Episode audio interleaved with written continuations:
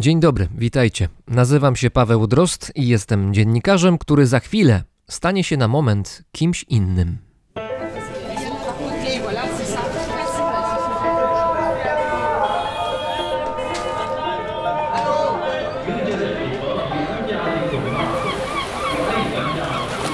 Brzmienie świata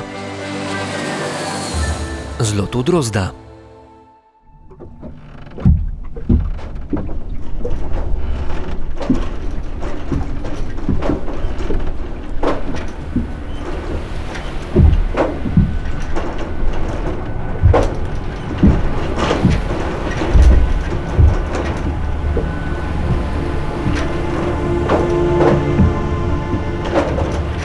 Jestem Roberto Corso. Urodziłem się w Madrycie w 1601 roku, a dzisiaj, no cóż, dzisiaj spotkam się z moim stwórcą na południe od Florydy. Jestem marynarzem na Nuestra Señora de Antocia.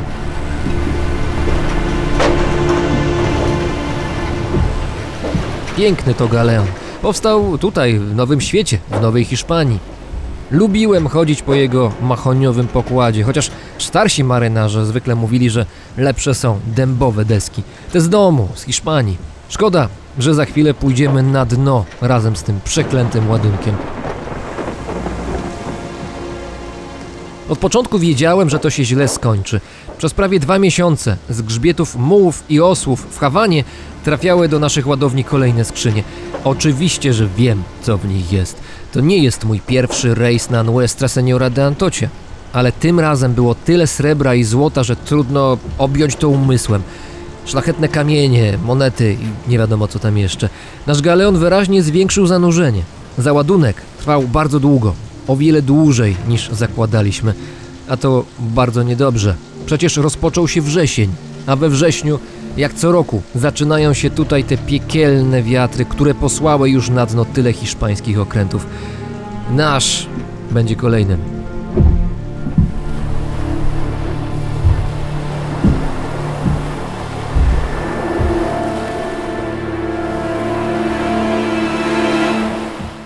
Nasz galeon. Ponad 250 dusz opuści ciała. Złoto, srebro i kosztowności nigdy nie trafią do Hiszpanii. Jest rok 1622. Dopiero za 350 lat jacyś Amerykanie trafią na trop naszego cennego ładunku i wydobędą go na powierzchnię. A o naszym galeonie, o Nuestra Señora de Atocia, ludzie znowu będą mówić.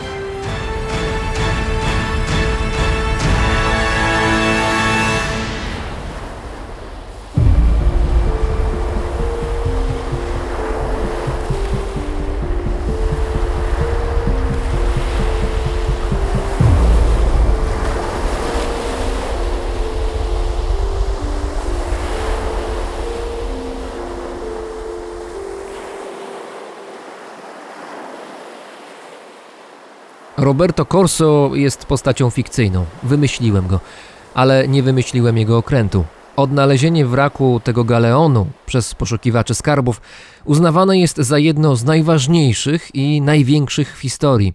Oczywiście tutaj ważność przeliczana jest na pieniądze, ale nie wszystkie opowieści o skarbach zalegających na dnie mórz zostały już opowiedziane. O nie.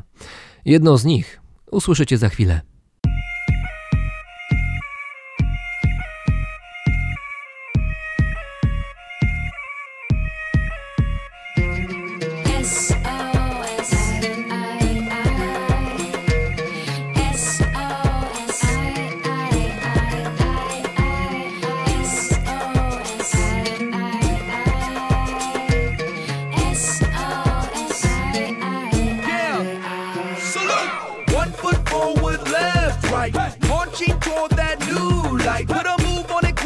Midnight. Darkness falls, we're losing sight. Tick boom, gotta dunk low, low, low, low. It's noon, out of luck, gotta go, go, go. Pretty soon, hear the sound of the fo, fo, fo. Time's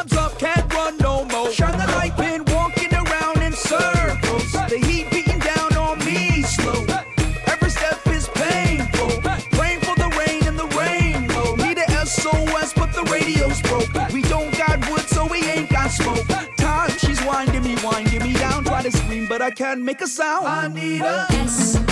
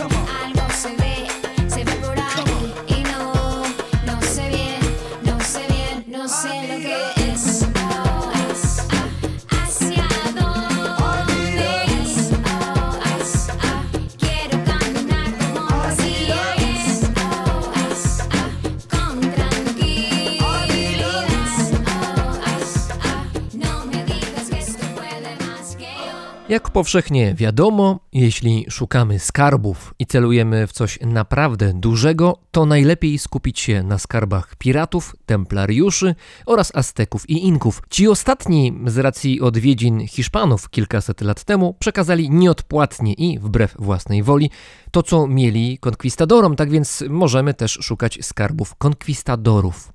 Swoje łupy ładowali na okręty i drogą morską przewozili do Europy ku chwale hiszpańskiego króla.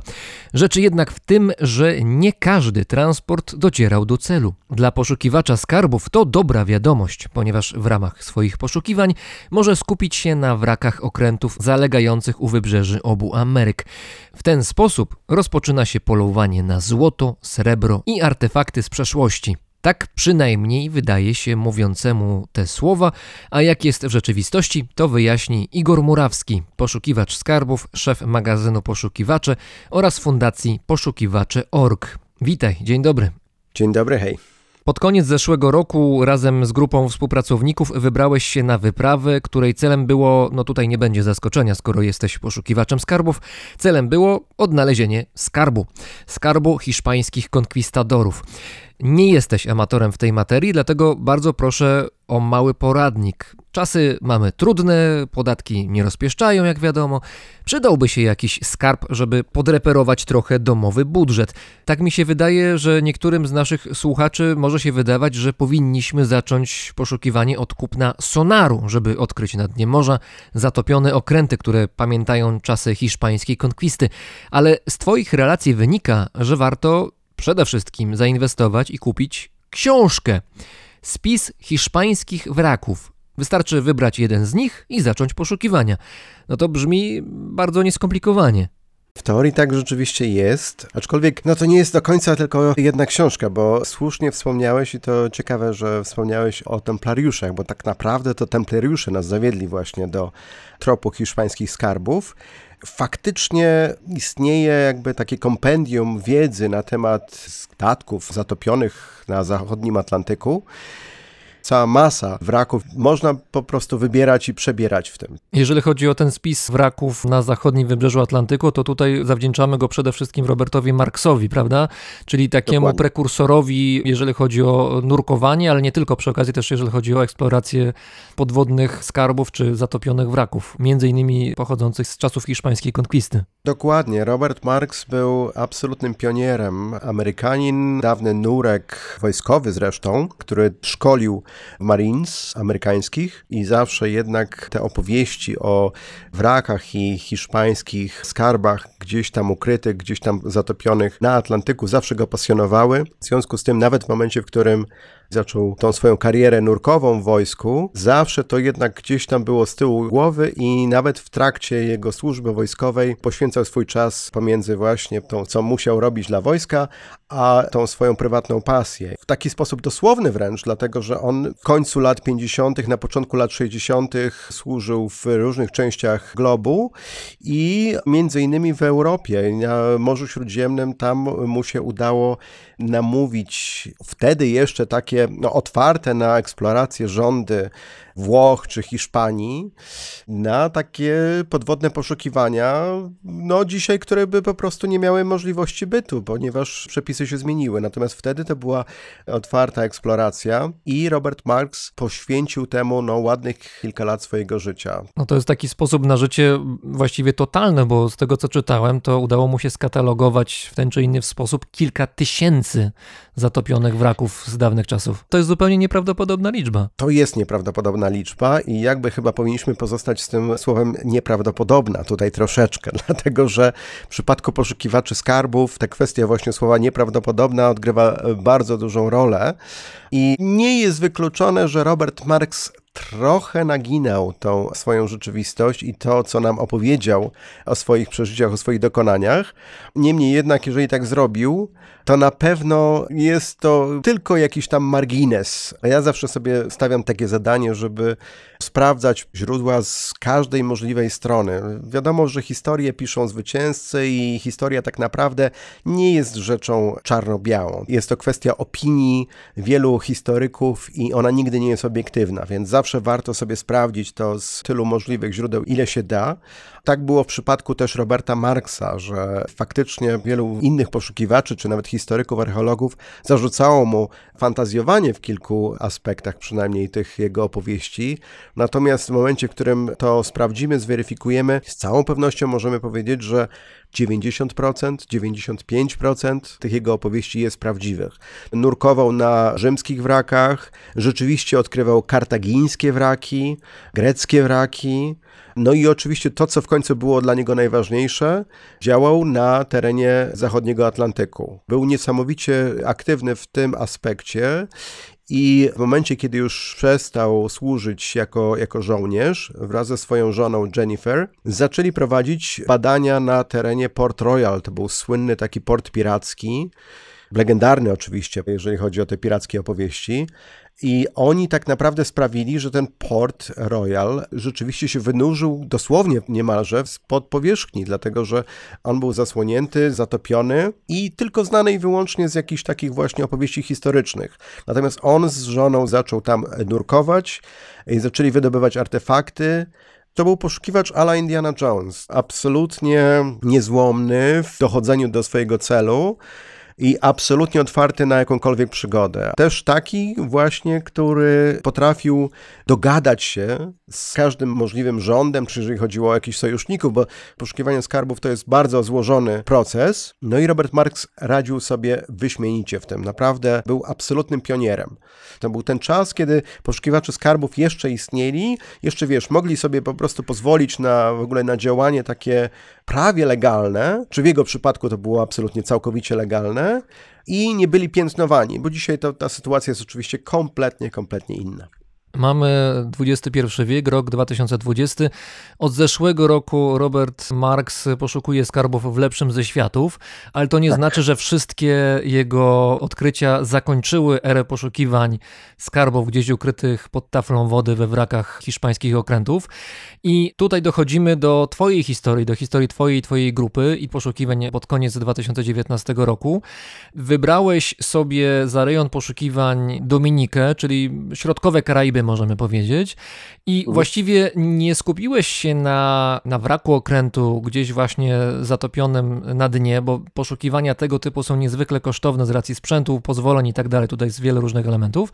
Tylko wziąłeś pod uwagę poszukiwania na lądzie, ale może najpierw zanim o tym, skąd się w ogóle wzięła kwestia Dominiki? Dlaczego akurat Dominika znalazła się tutaj na celowniku? Zajmowaliśmy się wcześniej projektem w Ziemi Świętej, polegającym na tym, żeby śledzić tropy templariuszy, a szczególnie skarbu templariuszy, bo to jest też takie określenie potężne, skarb templariuszy i tak dalej. Chodziło nam o to, żeby zweryfikować pewne historie, z którymi miałem wcześniej do czynienia, czy po prostu ten skarb w ogóle fizycznie mógł istnieć, jeżeli tak, to w jaki sposób i tak dalej, i tak dalej. No, doszliśmy do wniosku, że ten skarb rzeczywiście istnieje i skarb jest na wyspie Cypr, ale to jest odrębny temat. Nie wchodząc w szczegóły, tylko się upewnię, czy informacje o tym, że taki skarb istnieje, braliście również z książek Zbigniewa Nienackiego, czy to jednak nie był ten trop?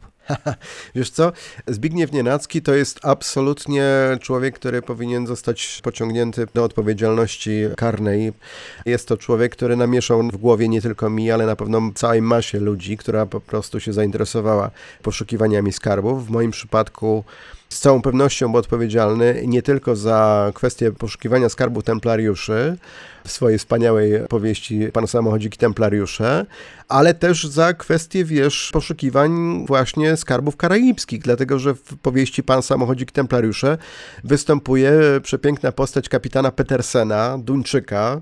Kapitan Petersen, taki właśnie, wiesz, stary wilk morski, który dorobił się w ogóle na poszukiwaniu skarbów z wraków galeonów hiszpańskich w zatoce Matanzas, takie słynne właśnie galeony hiszpańskie zatopione u wybrzeży Kuby. No mnie to też natchnęło i zawsze mi ten, wiesz, kapitan Petersen po prostu siedział gdzieś tam w głowie. To jest w końcu, wiesz, coś takiego, co każdego poszukiwacza skarbów gdzieś tam męczy z tyłu głowy. To jest zawsze, nawet nie tylko chyba poszukiwacza skarbów, no pewnie każdy, nawet fotelowy jakiś taki marzyciel, poszukiwacz przygód, czy fotelowy podróżnik, gdzieś tam sobie zawsze z tyłu głowy ma te Karaiby, Wyspy Skarbów, wiesz, galeony hiszpańskie i tak dalej, i tak dalej.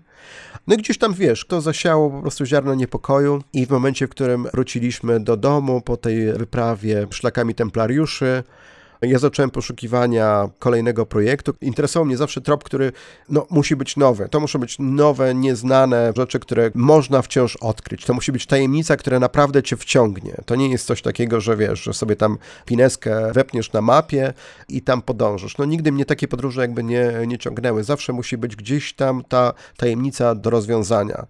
No i w biblioteczce domowej miałem oczywiście zgromadzone kilka półek książek poświęconych skarbom podwodnym. Zacząłem przeglądać te książki. Szukasz zawsze takich historii, które są, no, zawierają coś takiego w sobie naprawdę pociągającego, a jednocześnie nie są, wiesz, takie szablonowe. Tylko zastanawiam się nad jedną rzeczą. Jeżeli Tak. ty masz dostęp do takiej książki, w której są opisane podwodne skarby potencjalne albo faktyczne, to dokładnie taką samą książkę, inny egzemplarz oczywiście, mogą mieć setki innych potencjalnych poszukiwaczy skarbów na całym świecie. Wobec tego, jak tutaj znaleźć ten trop, którym nie podążyli wcześniej inni? Tutaj masz absolutnie rację. Nie ma takich sytuacji już w tej chwili. Tak naprawdę pewnie nigdy ich nie było do końca, że ktoś ci tam przekazuje na łożu śmierci jakąś informację, którą ty musisz podążyć, jakiś wiesz, skrawek mapy, czy może po prostu wytatuowany na głowie kogoś, prawda? Bo są też takie sytuacje opisane w literaturze czy w filmach.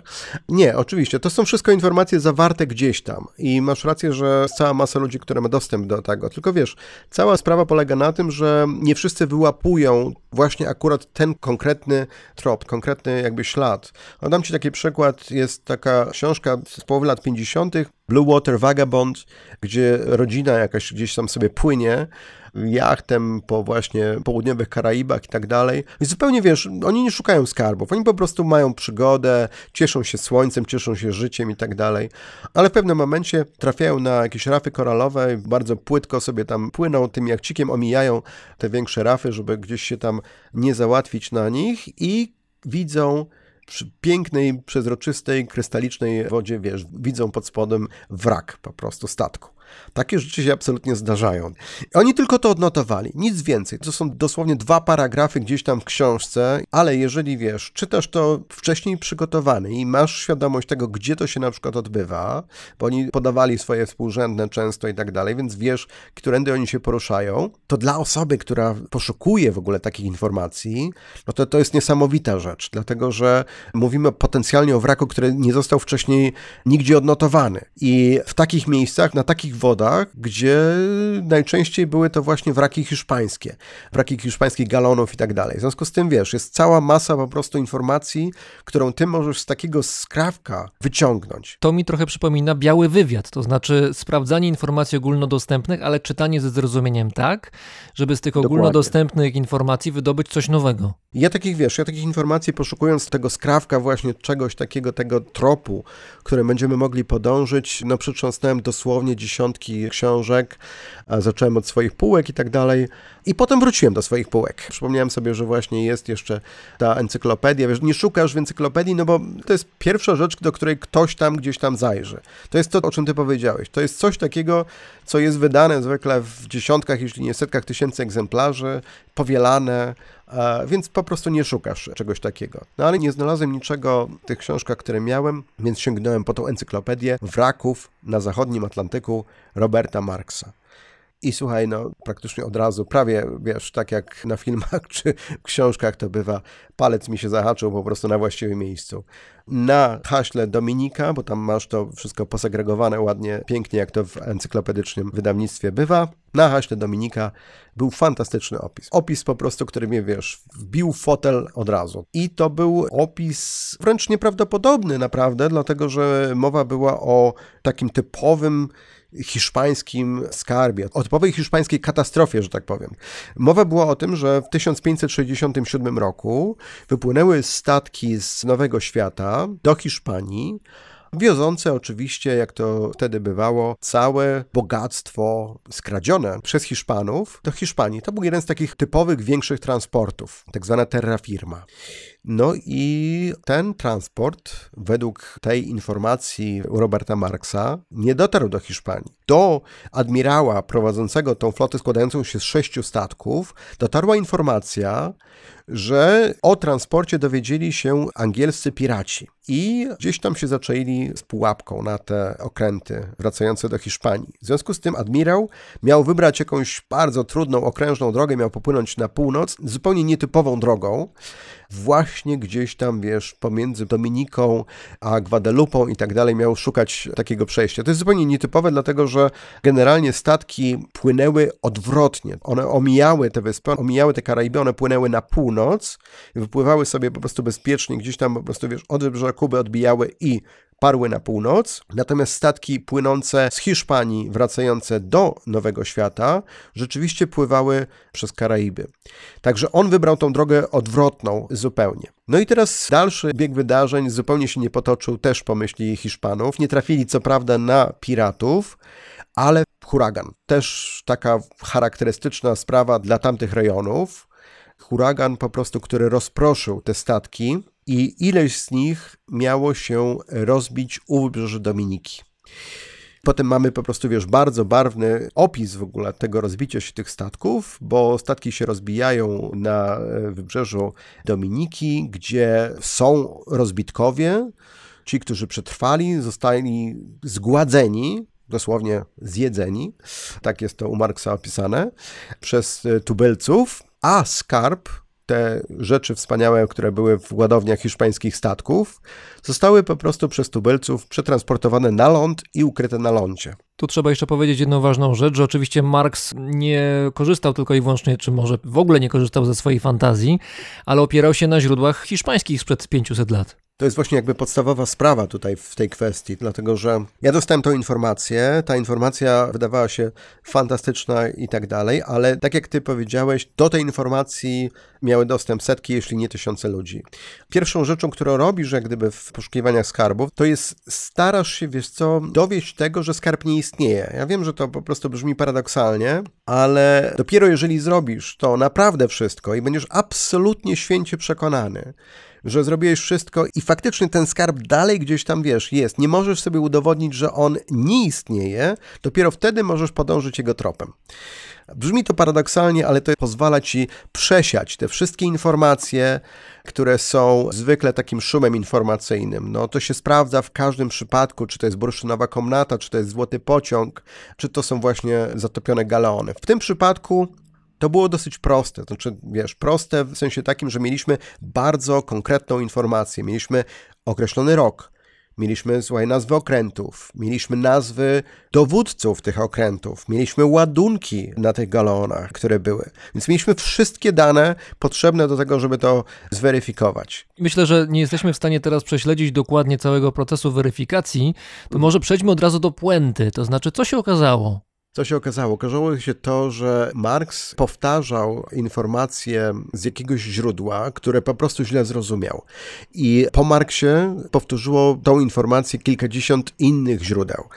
I jeżeli po prostu sobie gdzieś tam wpiszesz 1567, statki Dominika i tak dalej, będziesz miał tych informacji zawsze całą masę i one zawsze będą w ten sam sposób podane. Także zawsze będą to te statki, ci kapitanowie, jeżeli ktoś tam wchodzi bardziej głębiej w szczegóły i takie okoliczności, jakie Marx podał. Natomiast tak naprawdę to było nieporozumienie. I to takie, no, naprawdę duże nieporozumienie, bo weryfikacja zaprowadziła nas do m.in. archiwum sewilskiego, Archivo de Indias w Sewilli, to jest, wiesz, taka mekka dla poszukiwaczy skarbów, dlatego, że tam są zachowane wszystkie dane tych statków, które do i z Hiszpanii te skarby woziły z Nowego Świata. Pozwól, że trochę popuszczę wodzy wyobraźni. Wyobrażam sobie takie lekko Tak. zakurzone pomieszczenie, skrzypiącą podłogę, stare drewno przecież pod spodem, deski się poruszają i na moją prośbę jakiś przygarbiony bibliotekarz, który już lata świetności ma za sobą, przynosi starą księgę, rzuca ją na stół, unosi się wtedy kurz, ja otwieram i tam jest wszystko o galeonach hiszpańskich, tak jest? Tak jest, ale pamiętaj, że jesteśmy w XXI wieku, więc Hiszpanie mają to wszystko zdigitalizowane. O jest to nie, wszystko. o Znaczy nie. może, ale do końca tak też nie jest, bo wiesz, jest cała masa rzeczy, które są w archiwum cyfrowym, ale tak naprawdę te wszystkie takie, wiesz, niuanse, które są, to wciąż tam musisz pójść. Wciąż tam musisz pójść, wciąż tam musisz taką właśnie mnisią robotę po prostu odwalić i są ludzie, którzy to robią, że tak powiem, zawodowo. No, jednym z takich ludzi, który nam pomógł jest Claudio Bonifacio, to jest e, taki słynny archiwista i poszukiwacz skarbów jednocześnie, który pomagał niezliczonym ekipom już wcześniej i amerykańskim, brytyjskim, najróżniejszym poszukiwać w tych archiwach rzeczy. Człowiek, który jest odpowiedzialny za dziesiątki, jeżeli nie setki milionów dolarów wydobycia ładunków, które zostały wydobyte dzięki niemu. Więc on też nam pomógł w naprowadzeniu na ten trop. No ale główną robotę zrobili dla nas właśnie ci archiwariusze. Tacy, którzy no jednak nie tylko siadali przed komputerem, ale musieli, tak jak mówisz, pójść tam gdzieś i te zakurzone księgi gdzieś tam sprawdzić, bo nie dawaliśmy za wygraną, dlatego że te wszystkie informacje, które mieliśmy cyfrowe, to było za mało, wiesz, to było za mało, żeby to zweryfikować. To było coś takiego, co potwierdzało trochę tą historię, ale jeżeli mieliśmy organizować wyprawę, wiesz, na drugi koniec świata i angażować niesamowite siły i środki, to musieliśmy mieć coś więcej. Dlatego po prostu zmusiliśmy ich trochę do tego, żeby tą ekstra pracę dla nas wykonano i dzięki temu dowiedzieliśmy się, jak było i dlatego zacząłem tą rozmowę od trochę tego mitu Roberta Marksa, bo to jest jeden z takich przykładów. Wiesz, opowieść jest świetna, w opowieści jest całość zawarta, a jednocześnie w momencie e, tej weryfikacji okazało się, że Marx trochę działał na zasadzie głuchego telefonu. On po prostu powtarzał jakąś tam historię, którą gdzieś tam znalazł, której nie do końca po prostu, wiesz, się przyjrzał, I to nam przypadł ten zaszczyt i ten trochę, no, trud tego, żeby, żeby dokopać się po prostu do tego, jak to w rzeczywistości było. A było to w ten sposób, że na początku pierwszej połowy XIX wieku był człowiek, który stworzył jakby taki kanon tych wszystkich książek, tych wszystkich rzeczy związanych z tą flotą. Flota de Indias, hiszpańska, która się udawała z Nowego Świata do Hiszpanii i z powrotem. I on to wszystko jakby, wiesz, zebrał, te wszystkie dokumenty. On sobie właściwie zadawał trud, żeby tam ślęczeć w tym archiwum sewilskim. No i skomponował takie potężne opus magnum, takie po prostu dzieło, które później było cytowane. No i on ma właśnie taką informację, on ma właśnie taką informację zapisaną, że w roku 1567 wypływa z konkretnego portu w Nowym Świecie transport do Hiszpanii, są tacy a tacy pasażerowie na pokładzie. I to słuchaj, tu też jest ciekawostka, dlatego, że byli niesamowici ludzie na pokładzie. Tam. Tam był wnuk na przykład, wiesz, Hernana Corteza, tak, zdobywcy Meksyku. I tam był, słuchaj, wnuk Montezumy, władcy Azteków, którego Cortez po prostu zamordował. Potomkowie wrogów śmiertelnych byli razem jednocześnie Właśnie. na statku? Tak, to było niesamowite. To w ogóle nas e, zaskoczyło. To nigdy nie było wymienione w, w żadnej historii. To było niesamowite, że ci ludzie się znaleźli na pokładzie jednego z tych statków. No, To było sześć statków faktycznie, które wyruszyły. Nie wiemy, czy, czy wnuk Montezumy był na tym samym statku, co wnuk Corteza i tak dalej, ale i tak możemy się domyślać tego, jakie emocje nimi targały, bo z pewnością musieli o sobie wiedzieć. Oni się okrętowali, wiesz, w tym samym czasie. Więc to było absolutnie niesamowite. Jeżeli masz takie postacie na pokładzie, to to ci ułatwia sprawę. I my wiedzieliśmy, że ci pasażerowie rzeczywiście się zaokrętowali, rzeczywiście byli na tych okrętach. Te okręty faktycznie, tak się nazywały, faktycznie wypłynęły do Hiszpanii w tym właśnie czasie, w którym miały wypłynąć. Problem polegał tylko na tym, że one po prostu dopłynęły. One dopłynęły do Hiszpanii, wiesz, no i tak jak mówię, no w przypadku takich ludzi po prostu nie może być pomyłki. Wnuk Corteza był znany, wnuk Montezumy płynął akurat do Hiszpanii po to, żeby walczyć o swoje tytuły, o swoje prawa i tak dalej. To był zresztą słynny proces w Hiszpanii później, kiedy on już dopłynął. W związku z tym wniosek mógł być tylko jeden. No, mógł dopłynąć tylko żywy. Tu nie mogło być tej katastrofy. I tu wiesz, to był pierwszy taki no, problem na drodze do tej weryfikacji, bo, bo wiesz, no, teoretycznie mogliśmy się już tutaj jakby zatrzymać, powiedzieć, no okej, widać, że historia jest wymyślona, Marx to po prostu wziął i ekstrapolował jakieś tam informacje, dodał coś od siebie i tak dalej, i tak dalej.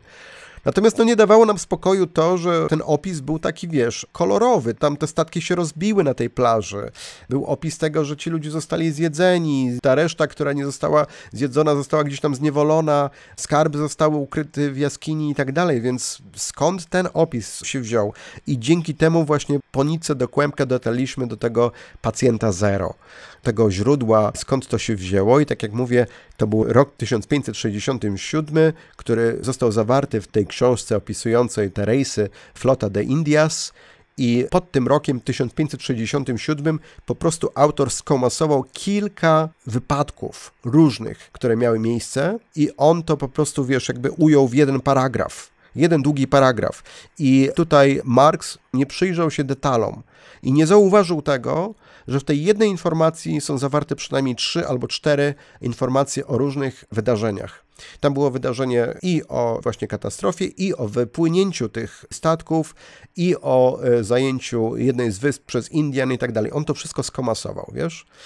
I w momencie, kiedy zobaczyliśmy, kiedy dotarliśmy do tego paragrafu z 1567 roku, i jakby zobaczyliśmy go dosłownie, jak on po prostu wygląda. Dzięki pomocy tłumacza mogliśmy go sobie przetłumaczyć i konkretnie przeanalizować linijka po linijce. Zrozumieliśmy, gdzie tkwi błąd. To teraz wytłumacz proszę, y, jaka jest prawda, to znaczy jak rzeczywiście ta sytuacja ze okrętami wyglądała, czy rzeczywiście byli rozbitkowie, czy rzeczywiście był skarb, jaskinie i tak dalej, czy w ogóle jest o czym mówić, czy sprawa jest, jest fikcją jedną wielką i łudą.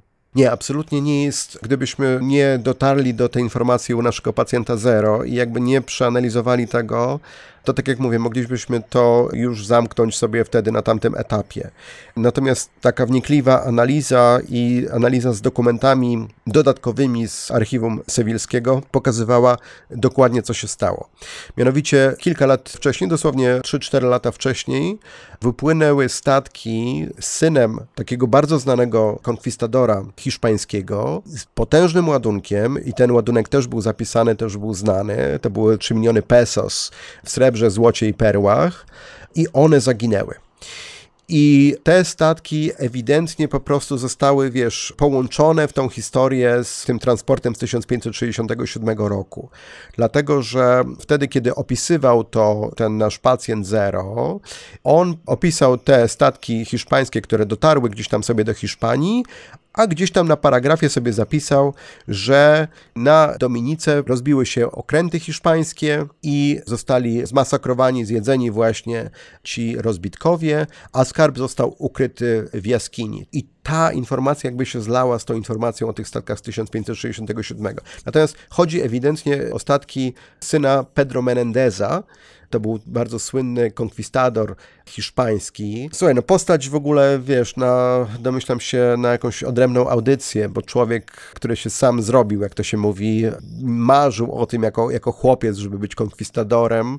Potem łupił, wiesz, piratów na zlecenie króla Hiszpanii, piratów francuskich, brytyjskich. Prowadził, wiesz, pojedynki filmowe, dosłownie pojedynki, bo na przykład, wiesz, jest taki opis, kiedy wpływa po statki, które Francuzi zajęli hiszpańskie do La Rochelle, francuskiego portu. Bezczelnie w ogóle, wiesz, zajmuje te statki, mieszczanie tam się podobno zebrali, oglądają w ogóle tą scenę, a on walczy, słuchaj, wiesz, na rei statku, na szpady z francuskim kapitanem, którego po prostu tam zabija w spektakularny sposób w pojedynku i zabiera te statki i ratuje tych hiszpańskich marynarzy. To są historie, które się autentycznie zdarzyły. To nie są, wiesz, historie hollywoodzkie, chociaż mogłyby być oczywiście, a to są autentyczne historie, które Pedro Menendez miał na swoim koncie. Między innymi został też poproszony przez króla Hiszpanii o to, żeby złapał słynnego Agire, Gniew Boży, prawda? Piękny film Herzoga, konkwistador, który szukał złota w Ameryce Południowej i zupełnie oszalał stał się niekontrolowalny przez Hiszpanię, więc król Hiszpanii musiał coś z tym zrobić i wysyła konkwistadorów, żeby go schwytać.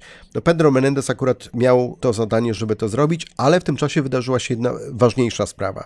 Mianowicie on stracił syna. Jego syn wypłynął ze statkami z potężnym ładunkiem i zaginął. I Pedro Menendez od tego momentu jest jakby skupiony, wiesz, na poszukiwaniach swojego syna. Robi wszystko oczywiście, żeby, żeby to zrobić, organizuje ekspedycje. Król Hiszpanii trochę mu pomaga, trochę mu nie pomaga, bo wiesz, nie chce jednak stracić takiego niesamowitego żołnierza. To był taki trochę ich pan Wołodyjowski, można powiedzieć. Więc tak nie do końca mu po prostu, wiesz, tym chce pomóc. Mijają lata i okazuje się, że Pedro Menendez robił tę ekspedycję najprawdopodobniej w złym kierunku. On szukał, wiesz, gdzieś tam na północ. Liczył, że gdzieś tam ten huragan może w stronę Florydy zepnął te statki jego syna i tak dalej. Natomiast kilkanaście lat później zeznania niewolnicy, która zbiegła z Dominiki, wskazują na to, że najprawdopodobniej to właśnie tam się rozbiły te statki syna Pedro Menendeza.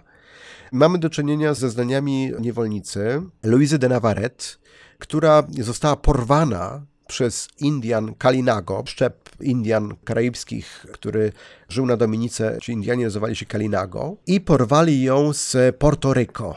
I po prostu wiesz, ona tam na tej wyspie, według tych zeznań, które złożyła później na Santo Domingo, przed gubernatorem Santo Domingo, ona na Dominice żyła, była jedną z żon w ogóle jednego z tam, wiesz, z władców Kalinago na Dominice, uczestniczyła w wielu akcjach ich i tak dalej. I w momencie, w którym pojawiła się taka możliwość, okazja, żeby uciec, uciekła i złożyła zeznania. I powiedziała o tym, jak to wygląda właśnie na Dominice, jak oni są urządzeni i tak dalej, ci Indianie, a ich Hiszpanów to bardzo, wiesz, interesowało, dlatego, że Dominika była takim niezdobytym bastionem dla Hiszpanów. Wyobraź sobie, że Hiszpanie, wiadomo, całą Amerykę Południową podbili, prawda, środkową, Karaiby w większości i tak dalej. Natomiast Dominika, mała wysepka, słuchaj, ona była, ona była taką niezdobytą fortecą. Kompletnie, jak gdyby, wydaje się to dziwne, tak, z perspektywy tej siły hiszpańskiej i tego, co wiemy dzisiaj, ale też nie do końca, bo jak tam był, jakbyś to zobaczył, jak Dominika wygląda, to to jest całkowicie zrozumiałe. Podobno było nawet tak, że jak Krzysztofa Kolumba, król Hiszpanii, zapytał o to, jak wygląda Dominika, jak on mu, wiesz, powiedział, że między innymi właśnie tę wyspę odkryli, to Kolumb podobno wziął kartkę papieru, zmiał ją w dłoni i powiedział, tak wygląda po prostu, wiesz. To chodziło właśnie o, o pokazanie tej niedostępności, ta, ta skalistość, brak wybrzeża jakiegokolwiek, e, nieprzychylność tej wyspy, ona jest dzisiaj wciąż niesamowita. Jak popłynie się na Karaiby i płyniesz sobie z Martyniki, która jest sympatyczną francuską wysepką, bardzo cywilizowaną, i potem masz z drugiej strony Guadalupe, też francuską niewielką wysepkę, a w środku masz Dominikę, która wiesz, rośnie ci z morza jak no, taki wygasły wulkan, którym de facto jest. To jest po prostu wyspa wulkaniczna i ona była bardzo nietypowa i była bardzo trudna. Dla Hiszpanów okazała się za trudnym orzechem do zgryzienia. Oni po prostu jej nie byli w stanie zdobyć.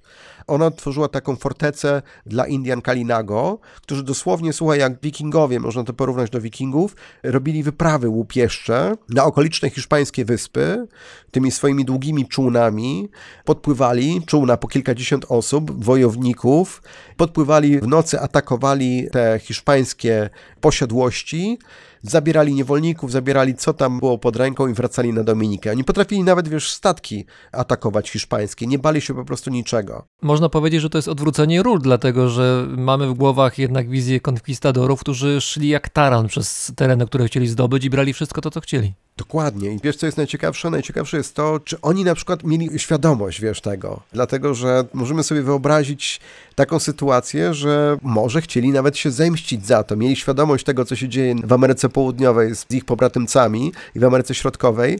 Czy to też nie były takie właśnie akcje na zasadzie tego, że, że mścimy się za to, co nam robicie? Hiszpanie bardzo cierpieli na tym, więc jak Luisa de Navarrete uciekła, no to oni byli, wiesz, spragnieni po prostu tych wieści, jak to faktycznie wygląda. I ona opisała to bardzo, bardzo barwnie, bardzo kolorowo. Opisała, jak wygląda życie na Dominice i opisała rzeczy, wiesz, niesamowite, ale przede wszystkim dla nas interesujące. Bo opisała sytuację mówiącą o tym, że wiele lat wcześniej, to dosłownie cytuję, wiele lat wcześniej na brzegu Dominiki rozbiły się hiszpańskie galeony, rozbitkowie zostali wymordowani, część została przechwycona i została niewolnikami Kalinago, a ładunek, cały ładunek został przetransportowany do jaskini w głębi lądu. No i tutaj już jest, wiesz, tam mowa bardziej szczegółowo, gdzie ta jaskinia miałaby być i tak dalej, i tak dalej. I rozumiem, że wszystko wskazywało na to, że tymi rozbitkami hiszpańskimi byli ci, którzy towarzyszyli synowi Pedra Menendeza. Musiało tak być, dlatego że odpowiadał czas i cała historia jakby się zbiegała no, w tym jednym miejscu.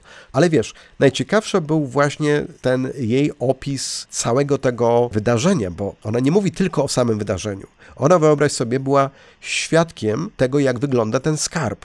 Ponieważ była żoną, rozumiem, że była żoną jednego właśnie z tych wodzów, miała dostęp do tej jaskini, której skarb był złożony.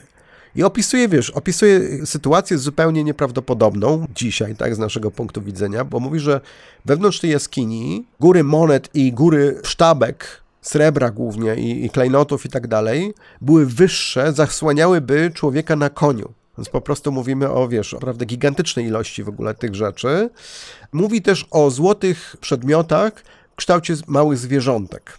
I tu jest kolejne potwierdzenie tej całej historii. Badacze to jakby pomijają w tych swoich książkach. Marx nawet o tym chyba nawet nie wspomina. Natomiast, wiesz, mi się zapaliły po prostu dzwonki w tym momencie, dlatego że to jest druga połowa XVI wieku, to jest tuż po podboju tej części Ameryki Południowej i Ameryki Centralnej przez Hiszpanów tam jeszcze wciąż napływały zabytki azteckie i inne do Hiszpanii. I wiemy o tym, że te wszystkie niesamowite dzieła sztuki, właśnie azteckiej, inkaskiej i tak dalej, oni po prostu transportowali na swoich statkach i przetapiali je dopiero w Hiszpanii.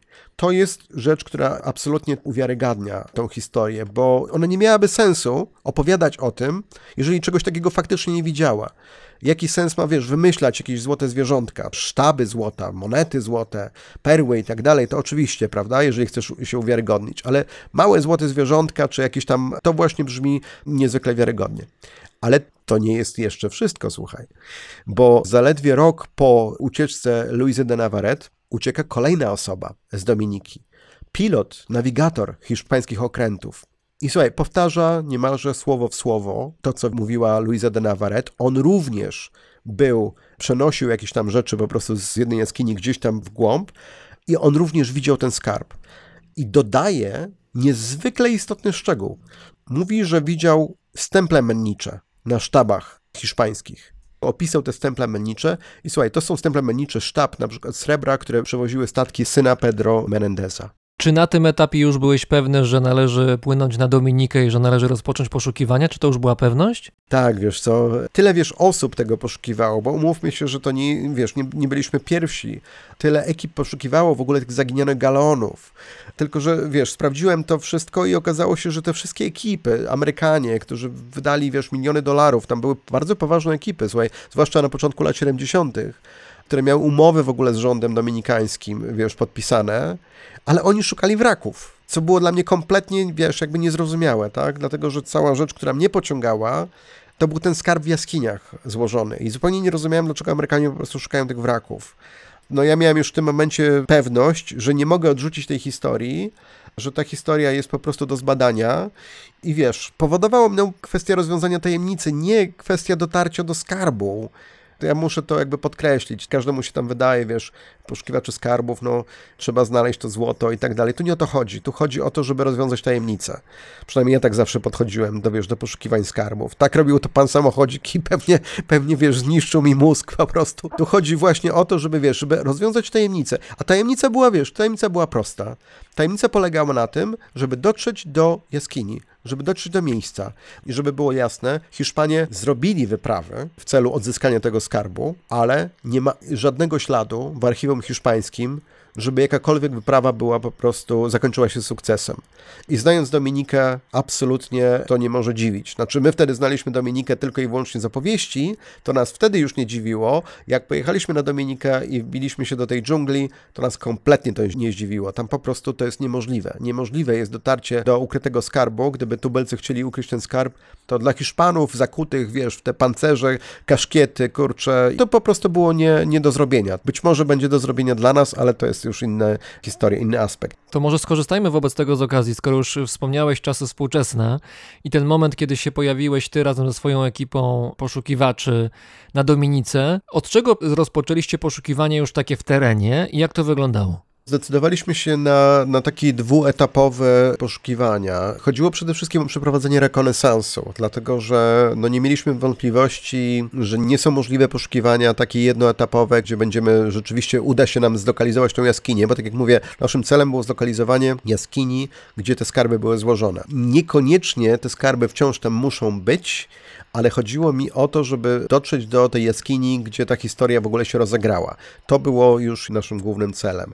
Ale postanowiliśmy podejść do tego dwuetapowo, to znaczy zrobić też poszukiwania podwodne, spróbować znaleźć ślady wraków, które mogłyby nas doprowadzić precyzyjnie do miejsca tej plaży, tego miejsca rozładunku gdzie te skarby zostały przetransportowane przez Indian, bo sądziłem, że być może to nam pozwoli jakoś to umiejscowić sobie w terenie wtedy. Będziemy mogli prześledzić, wiesz, ich ścieżkę dosłownie, tak?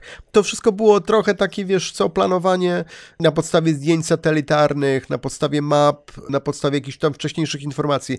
W rzeczywistości, jak tam dotarliśmy, to się okazało nie takie proste. Wynajęliśmy katamaran, który miał być naszą bazą na czas tego rekonesansu. Wyznaczyliśmy sobie dwa tygodnie na taki rekonesans wstępny, z założeniem takim, że zbieramy informacje, robimy takie pierwsze podejście, nawiązujemy kontakty i potem wracamy sukcesywnie, zakładając, że to będzie ileś etapów do momentu, kiedy zlokalizujemy tę naszą właściwą jaskinię, być może skarb na końcu.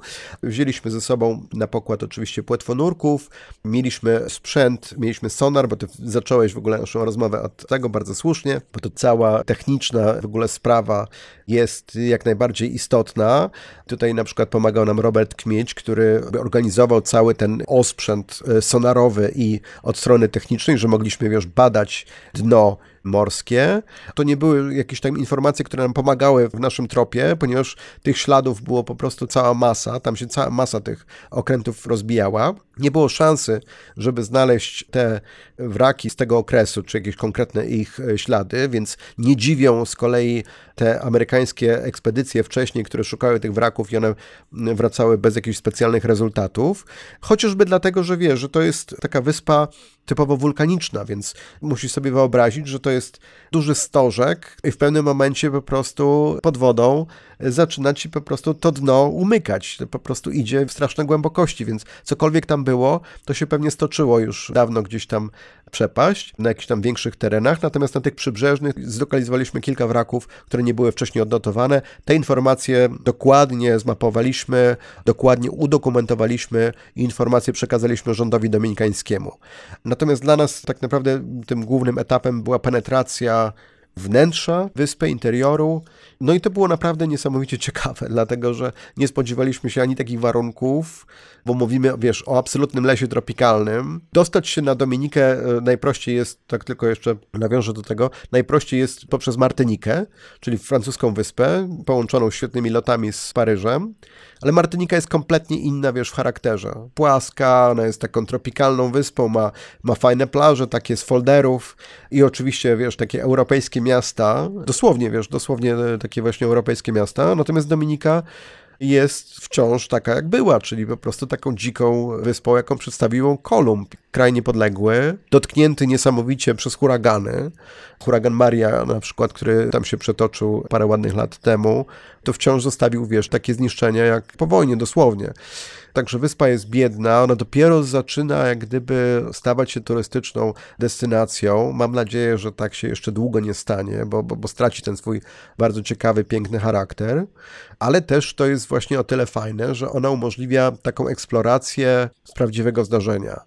To nie jest duża wyspa, a z drugiej strony masz takie sytuacje, że wiesz, wchodzisz gdzieś tam właśnie do tego interioru, i masz świadomość, że, że, że możesz przechodzić przez miejsca, gdzie nikt jeszcze nie przechodził, wiesz, to są dosłownie białe plamy na mapie, znaczy wiesz, może nie białe, bo mamy już teraz zdjęcie satelitarne, zdjęcia LIDAR i inne tam wynalazki, ale jeżeli chodzi o taką eksplorację dosłownie stopą ludzką, to tam są jeszcze takie miejsca, które są niezbadane, nieodkryte. Jestem bardzo ciekawy, jak wyglądało wasze poszukiwanie jaskini tam na miejscu, bo to chyba nie było, czy nie mogło tak być, że sobie chodziliście dookoła, jak była jakaś wioska czy miejscowość, podchodziliście do kogoś, dzień dobry, my tutaj szukamy jaskini, a dlaczego szukacie? A tak po prostu mamy ochotę sobie połazić, troszkę jaskini szukamy. No chyba tak to nie wyglądało, no więc jakie były tropy, jakimi wskazówkami się kierowaliście i w jaki sposób zabraliście się w ogóle do rzeczy, żeby jakąś czy jakieś jaskinie wytypować jako potencjalnie te najbardziej interesujące?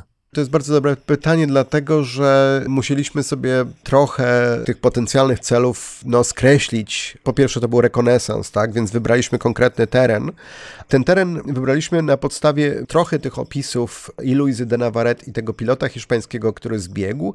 I w opisie jest mowa o tym, że jaskinia jest położona ligę morską, hiszpańską ligę morską od y, brzegu, około Ligi Morskiej, czyli to jest około 5 kilometrów, więc musieliśmy sobie to wyobrazić, musieliśmy sobie nałożyć to na wiadomości archeologiczne o pozostałościach osad Kalinago, Indian Kalinago na wyspie, więc wiedzieliśmy, w którym miejscu oni się mniej więcej, wiesz, tam gromadzili i w którym miejscu mieli to osadnictwo swoje.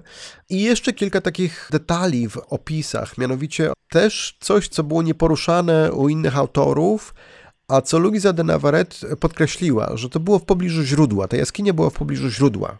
I wiesz, generalnie to w ogóle nie dziwię się, że to było pomijane, no bo tych źródeł tam jest pełno, wiesz, to jest piękna wyspa zielona, są wodospady wszędzie i tak dalej. Tych źródeł jest wszędzie, pełno dużo. Natomiast to, że ona to podkreśliła w tym opisie, świadczy o tym, że to nie było takie zwykłe źródło. To musiało być ważne w kontekście tej jaskini, tak przynajmniej założyliśmy. I potem, jak zaczęliśmy, wiesz, badać tą historię, okazało się, że są antropologiczne tropy. Są opisy mówiące o tym, że na przykład Brytyjczycy, którzy w XIX wieku próbowali eksplorować bezpośrednie wnętrze wyspy, no spotykali się z takimi miejscami tabu, do których nie mogli iść. Więc tego typu rzeczy istniały na Dominice, I zastanawialiśmy się dlaczego, skąd to się bierze. No bo ewidentnie wiesz, po coś rytualnie, zakładaliśmy, że rytualnie ktoś po prostu zbudował legendę po to, żeby ktoś nie przechodził gdzieś tam do pewnego rejonu, nie penetrował pewnego rejonu. To najprawdopodobniej było z powodów rytualnych, tak założyliśmy. I potem jak zaczęliśmy sobie już nakładać te wszystkie informacje na, na mapę Dominiki, sprawdzać wszystkie informacje związane z tym rejonem, okazało się, że mniej więcej tam, w tamtym rejonie znajdują się bardzo takie toksyczne źródła siarki. Dosłownie, wiesz, bijące po prostu źródła siarki toksyczne, do których nie powinieneś się zbliżać. Oczywiście, wiesz, jak wiesz, co robisz, to one nie stanowią zagrożenia. Rozumiem, że to są takie źródła siarkowe, które są typowe dla niektórych terenów wulkanicznych i należy, jeżeli się do nich zbliżasz, to powinieneś albo się, no w ogóle, nie zbliżać, albo mieć odpowiednią maskę na twarzy. Dokładnie tak, dokładnie tak. Więc po prostu wiesz, jeżeli wiesz, co robisz, to oczywiście nie jest to w żaden sposób groźny, natomiast jeżeli zapędzisz się tam kompletnie nieświadomie i nie wiem, będziesz próbował tam spędzić noc i tak dalej, to może się skończyć pewnie tragicznie. I pomyśleliśmy sobie, że być może tutaj kryje się klucz do tej zagadki. Być może ta jaskinia była właśnie takim miejscem, w pobliżu którego były takie źródła. I one w pewien sposób strzegły tego miejsca przed niepowołanymi osobami. Ci, którzy chcieli nie dopuścić, jakaś starszyzna plemienna i tak dalej, do ich penetracji, mogli tego typu opowieści snuć. Co ciekawe, była jedna z takich legend zapisanych, że osoba, która wchodzi, to było takie słynne właśnie święte źródło gdzieś tam, zanim się kryła jaskinia, dosłownie gdzieś tam za tym źródłem kryła się jakaś jaskinia, ta osoba, która wchodziła do tej jaskini za przyzwoleniem właśnie starszyzny plemiennej, wychodziła młoda. Wychodziła jakby, wiesz, odmłodzona. Zaczynasz tutaj już snuć takie scenariusze jak z piątej, czy czwartej, czy trzeciej, już nie pamiętam, części Piratów z Karaibów. Tak, ale właśnie tu się kryje ta słynna legenda o źródle młodości, których Hiszpanie, wiesz, poszukiwali. To w tym samym czasie oni poszukiwali właśnie w XVI wieku, XVII wieku najpóźniej, ale w XVI wiek to był takie apogeum tych ich poszukiwań, między innymi tego, bo szukali oczywiście Eldorado, szukali różnych e, złotych miast, skarbów i tak dalej, ale też między innymi szukali tego źródła młodości. Francisco de Orellana, Floryda i tak dalej, i tak dalej. Być może szukali, wiesz, w złym miejscu. W każdym bądź razie ciekawe jest to, że, że, że tutaj na Dominice mamy absolutnie tego typu historię. I wiesz, nałożyliśmy to sobie. No oczywiście nie wierzymy w, źródło młodości, nie wierzymy w duchy, które strzegą tego miejsca, ale możemy założyć, że tego typu opowieści mogły odstręczać ludzi przez setki lat nawet, tak, tubylców, do tego, żeby to penetrować.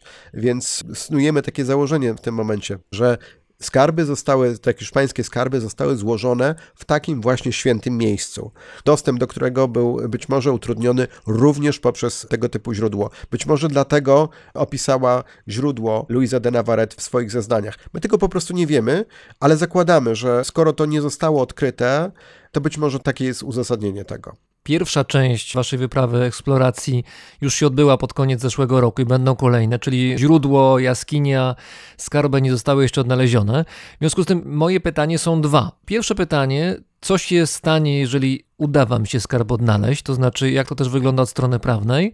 A druga kwestia, czy rozmawiając teraz ze mną, to zupełnie poważnie mówię, czy rozmawiając ze mną i mając świadomość tego, że ktoś nas słucha, oraz też publikując y, różne informacje w internecie, czy nie obawiacie się, że potencjalna konkurencja, która jak wiemy nie śpi, mogłaby się tym zainteresować i mając informacje od Was, byłaby w stanie Was jakoś wyprzedzić?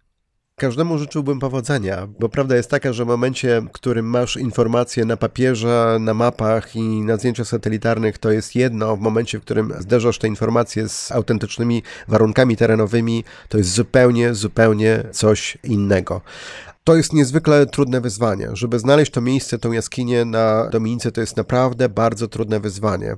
Gorąco, parno, jest naprawdę niezwykle są te miejsca trudno dostępne, bo musisz się ciągle, wiesz, spinać, schodzisz w dół, ciągle po prostu jest mega wysiłek. I to jest naprawdę niesamowicie trudne. Oczywiście korzystaliśmy z dronów na przykład i tak samo, wiesz, pod wodą mieliśmy y, podwodnego robota, który nam tam pomagał tam filmować rzeczy, które, które robiliśmy. Mieliśmy drona, który z góry nam pomagał filmować dżunglę i robić zdjęcia, czy wiesz, mapować teren ale to jest nieprzeniknione, słuchaj. To jest kompletnie po prostu, wiesz, zielona ściana totalnie nieprzeniknionej dżungli. I znalezienie takiej jaskini jest naprawdę, naprawdę niesamowicie trudne. Udało się nam namierzyć jaskinię zupełnie niemalże przypadkiem podczas tej jednej z naszych wędrówek po dżungli. W pewnym momencie była, wiesz, mała polanka, jakiś obrys skalny, czujne oko Patryka po prostu, wiesz, wychwyciło malutką dosłownie przerwę gdzieś tam po prostu w ścianie skalnej, która ledwo prześwitywała przez ścianę tej zieleni. Dobiegliśmy tam, rzeczywiście, wiesz, rzeczywiście była jaskinia, która się zwężała, szła gdzieś w głąb, więc po prostu wiemy, że jesteśmy na dobrym tropie, wiemy, że są tam jaskinie i tak dalej. Tej akurat jaskini nie byliśmy w stanie spenetrować, ponieważ potrzebny byłby nam jakiś robot, którego moglibyśmy wpuścić gdzieś tam w tą szczelinę, czy tam ewentualnie obejść to z jakiejś tam kolejnej strony i to sobie zostawimy na kolejny etap, ale nie sądzę, że wiesz, że ktoś mógłby to zrobić tutaj przed nami, nawet bazując na tych informacjach. Jest jeszcze jeden, wiesz, bardzo ważny aspekt, o którym nie rozmawialiśmy. Dominika jest krajem niepodległym i Dominika jest krajem, który jest bardzo niewielki, a więc prawie się wszyscy tam, wiesz, prawie się tam wszyscy znają i wieść się bardzo szybko rozchodzi o tym, że, że wiesz, że ktoś przyjechał i tak dalej, a oni mają bardzo, ale to bardzo negatywne doświadczenia z amerykańskimi eksploratorami, poszukiwaczami skarbów z pierwszej połowy lat 70., którzy przyjechali, podpisali umowę z rządem Dominiki, że oni będą tych galonów, wiesz, szukać i penetrowali po prostu tam dna tego morza. Narodziło się cała masa legend na Dominice, czego tam Amerykanie nie znaleźli i nie wywieźli i tak dalej, i tak dalej. W związku z tym oni są niezwykle, niezwykle wyczuleni na to wszystko.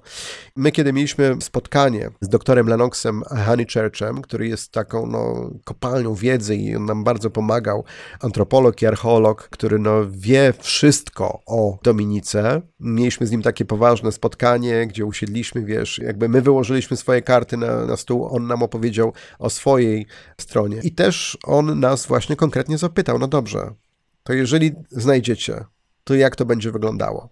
No i powiedzieliśmy, wiesz, nas interesuje odkrycie tajemnicy. Dla nas jest oczywiste, że to, co będzie w jaskini, jest własnością rządu Dominiki i powinno być własnością rządu Dominiki. To są po prostu sprawy, które Hiszpanie kradli. To absolutnie nie, nie powinno wchodzić wiesz, w rachubę jakąś. A jaki jest uzus, jeżeli chodzi o poszukiwanie skarbów w ogóle na świecie? Czy coś takiego jak znaleźne należy się temu, kto rzeczywiście wpadł na dany trop i odnalazł skarb? Czy coś takiego jak znaleźny funkcjonuje? Jak najbardziej, tylko że to jest zależne od kraju, w którym poszukujesz. Nawet w samych Stanach Zjednoczonych niektóre stany mają swoje prawodawstwo, gdzie jest tak zwane finders keepers, czyli po prostu coś, co znajdziesz, należy do znalazcy. W innych stanach w ogóle nawet nie możesz marzyć o poszukiwaniach. Przykładem jest Wielka Brytania, która też ma kilka różnych przepisów, jeżeli o to chodzi, bo, bo to też często ludzie mylą takie, wiesz, pojęcia. Ludzie widzą osoby na przykład chodzące po polu z wykrywaczem metali, mówią o poszukiwacze skarbów. To są detektoryści, to jest troszeczkę inna sprawa, bo tutaj ci ludzie po prostu szukają pamiątek historycznych, jakichkolwiek. Poszukiwacz skarbów musi mieć konkretny cel, konkretny skarb do odnalezienia to jest poszukiwacz skarbów. W Wielkiej Brytanii jest tak, że wiesz, w Anglii, Walii na przykład znajdziesz coś takiego, znajdziesz jakiś nawet przypadkiem skarb, czyli wiesz, będzie to, dajmy na to, ileś przedmiotów ze złota, czy ileś przedmiotów ze srebra, to jest uznawane za skarb i wtedy państwo od ciebie może to odkupić. Znaczy znalazca otrzymuje równowartość rynkową tego skarbu, którą się dzieli po połowie z właścicielem ziemi ale to też nie jest przepis, który obowiązuje na, na całych Wyspach Brytyjskich, bo już na przykład w Szkocji jest inny przepis. Także generalnie w każdym kraju jest, wiesz, trochę inaczej. W Polsce wiadomo, jest też trochę inaczej, żeby poszukiwać skarbów, musisz mieć zgodę wojewódzkiego konserwatora zabytków, obojętnie czy jesteś detektorystą, czy szukasz bursztynowej komnaty, czy złotego pociągu. Natomiast na Karaibach to już jest zupełnie, kompletnie inna historia i każde poszukiwania indywidualna rzecz, indywidualne podejście. Największym słuchaj, problemem takim logistycznym dla nas przed zorganizowaniem tej wyprawy na Dominikę były właśnie kwestie negocjacji, uzyskania pozwoleń na prowadzenie poszukiwań. Bo to naprawdę było ciężko nam zdobyć zaufanie tych ludzi, którzy byli skrzywdzeni, dosłownie można tak powiedzieć, przez te poprzednie ekipy i tak dalej. I my cały czas, wiesz, podczas tej wyprawy, podczas tego kilkutygodniowego rekonesansu, my byliśmy przez nich obserwowani. Pojawiały się drony nad nami, czasami się pojawiali po prostu ludzie, którzy nam towarzyszyli, także cały czas była kontrola. Więc szczerze powiedziawszy, No nie sądzę, że ktoś mógłby chcieć to zrobić. Czy życzę powodzenia oczywiście, bo, bo liczy się e, możliwość dotarcia do tego, ale nie sądzę, że to jest po prostu do zrobienia. Myślę, że to jest, wiesz, jeszcze kwestia wielu wypraw. Osobiście mam nadzieję, że jednak w tej jaskini te skarby dalej pozostały, dlatego że musimy pamiętać o tym, że właściwie Kalinago, ci Indianie, praktycznie nie istnieją już na tej wyspie. Oni są zgromadzeni w malutkim rezerwacie, słuchaj, w takim, wiesz, fragmencie Dominiki, bardzo kiepsko tam po prostu funkcjonują i mają bardzo śladowe świadomość swojej tożsamości kulturowej. Oni zostali wyparci poprzez różnego rodzaju kolonizatorów. Już nawet nie wiesz, nie Hiszpanów, bo Hiszpanom tam się nigdy nie udało zadomowić, ale Francuzów, Anglików i tak dalej.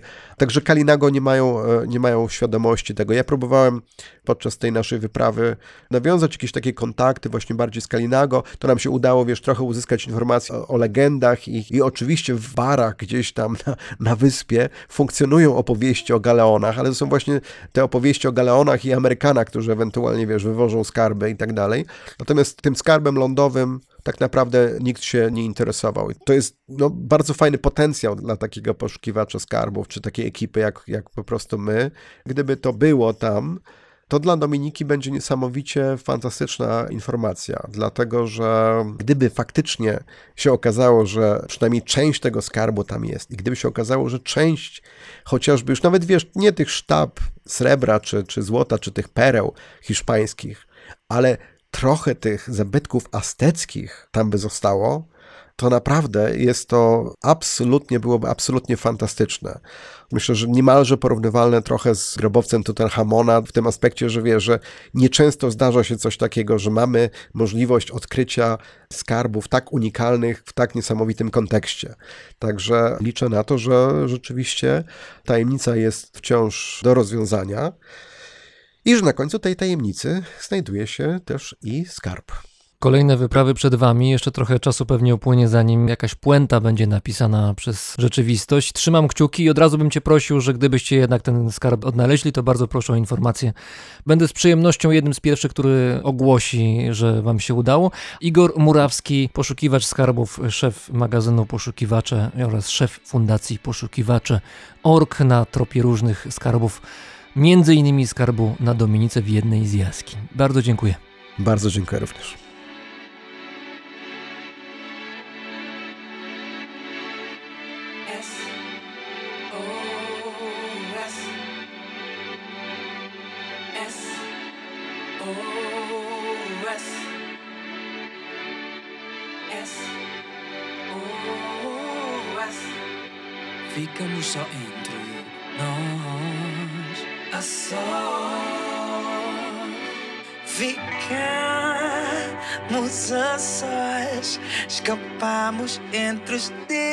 Dedos Ficamos a sós No meio da escuridão. Alguns entre o silêncio. Mas nada ficou por dizer Tão pouco por entender. Onomatopeias e carícias São perícias que anulam difíceis Não há mais espaço entre established passes, some who's not.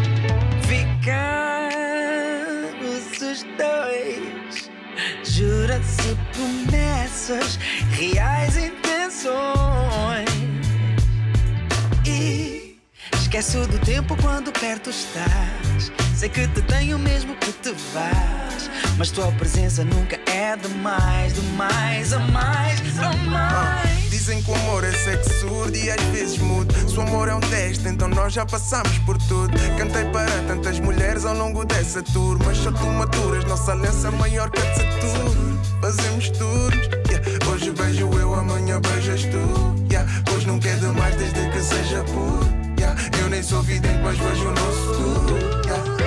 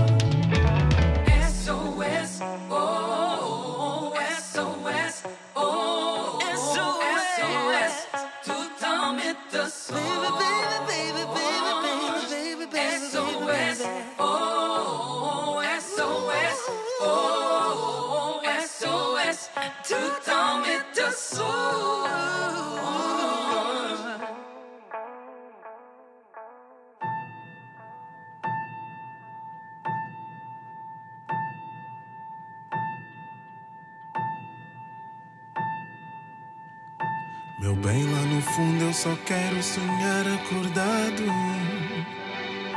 Passando um segundo, suspiro por estares ao meu lado. Promessas da alma, sussurro, bate coração. Palavras não chegam, não falam desta imensidão. Dessa imensidão que nos leva daqui. Essa imensidão. Só nós pra sentir essa imensidão que nos leva daqui. Só nós pra sentir, só nós pra lá ir. Só nós pra sentir, só nós pra lá ir.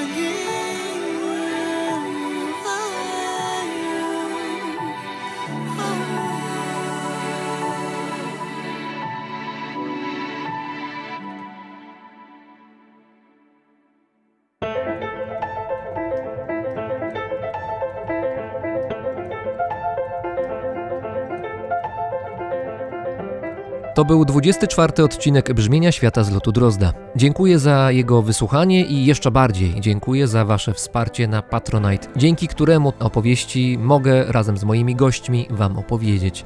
Dziękuję też za wszystkie przemiłe i treściwe maile, które do mnie trafiają i proszę o więcej. Piszcie na brzmienie świata małpa gmail.com.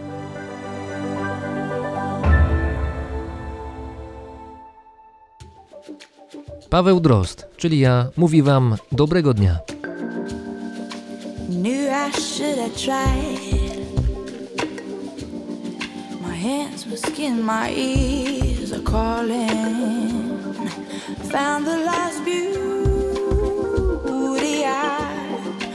Missing for a while now.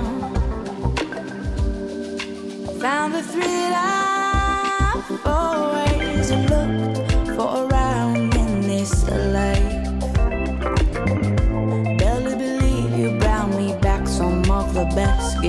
forgot.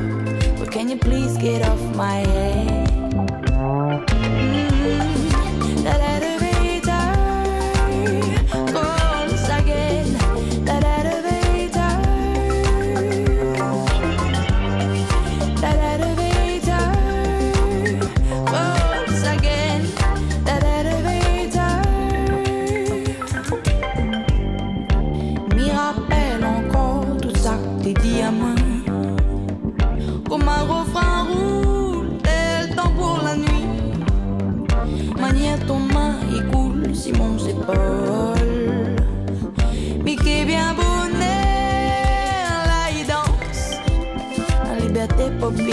chance.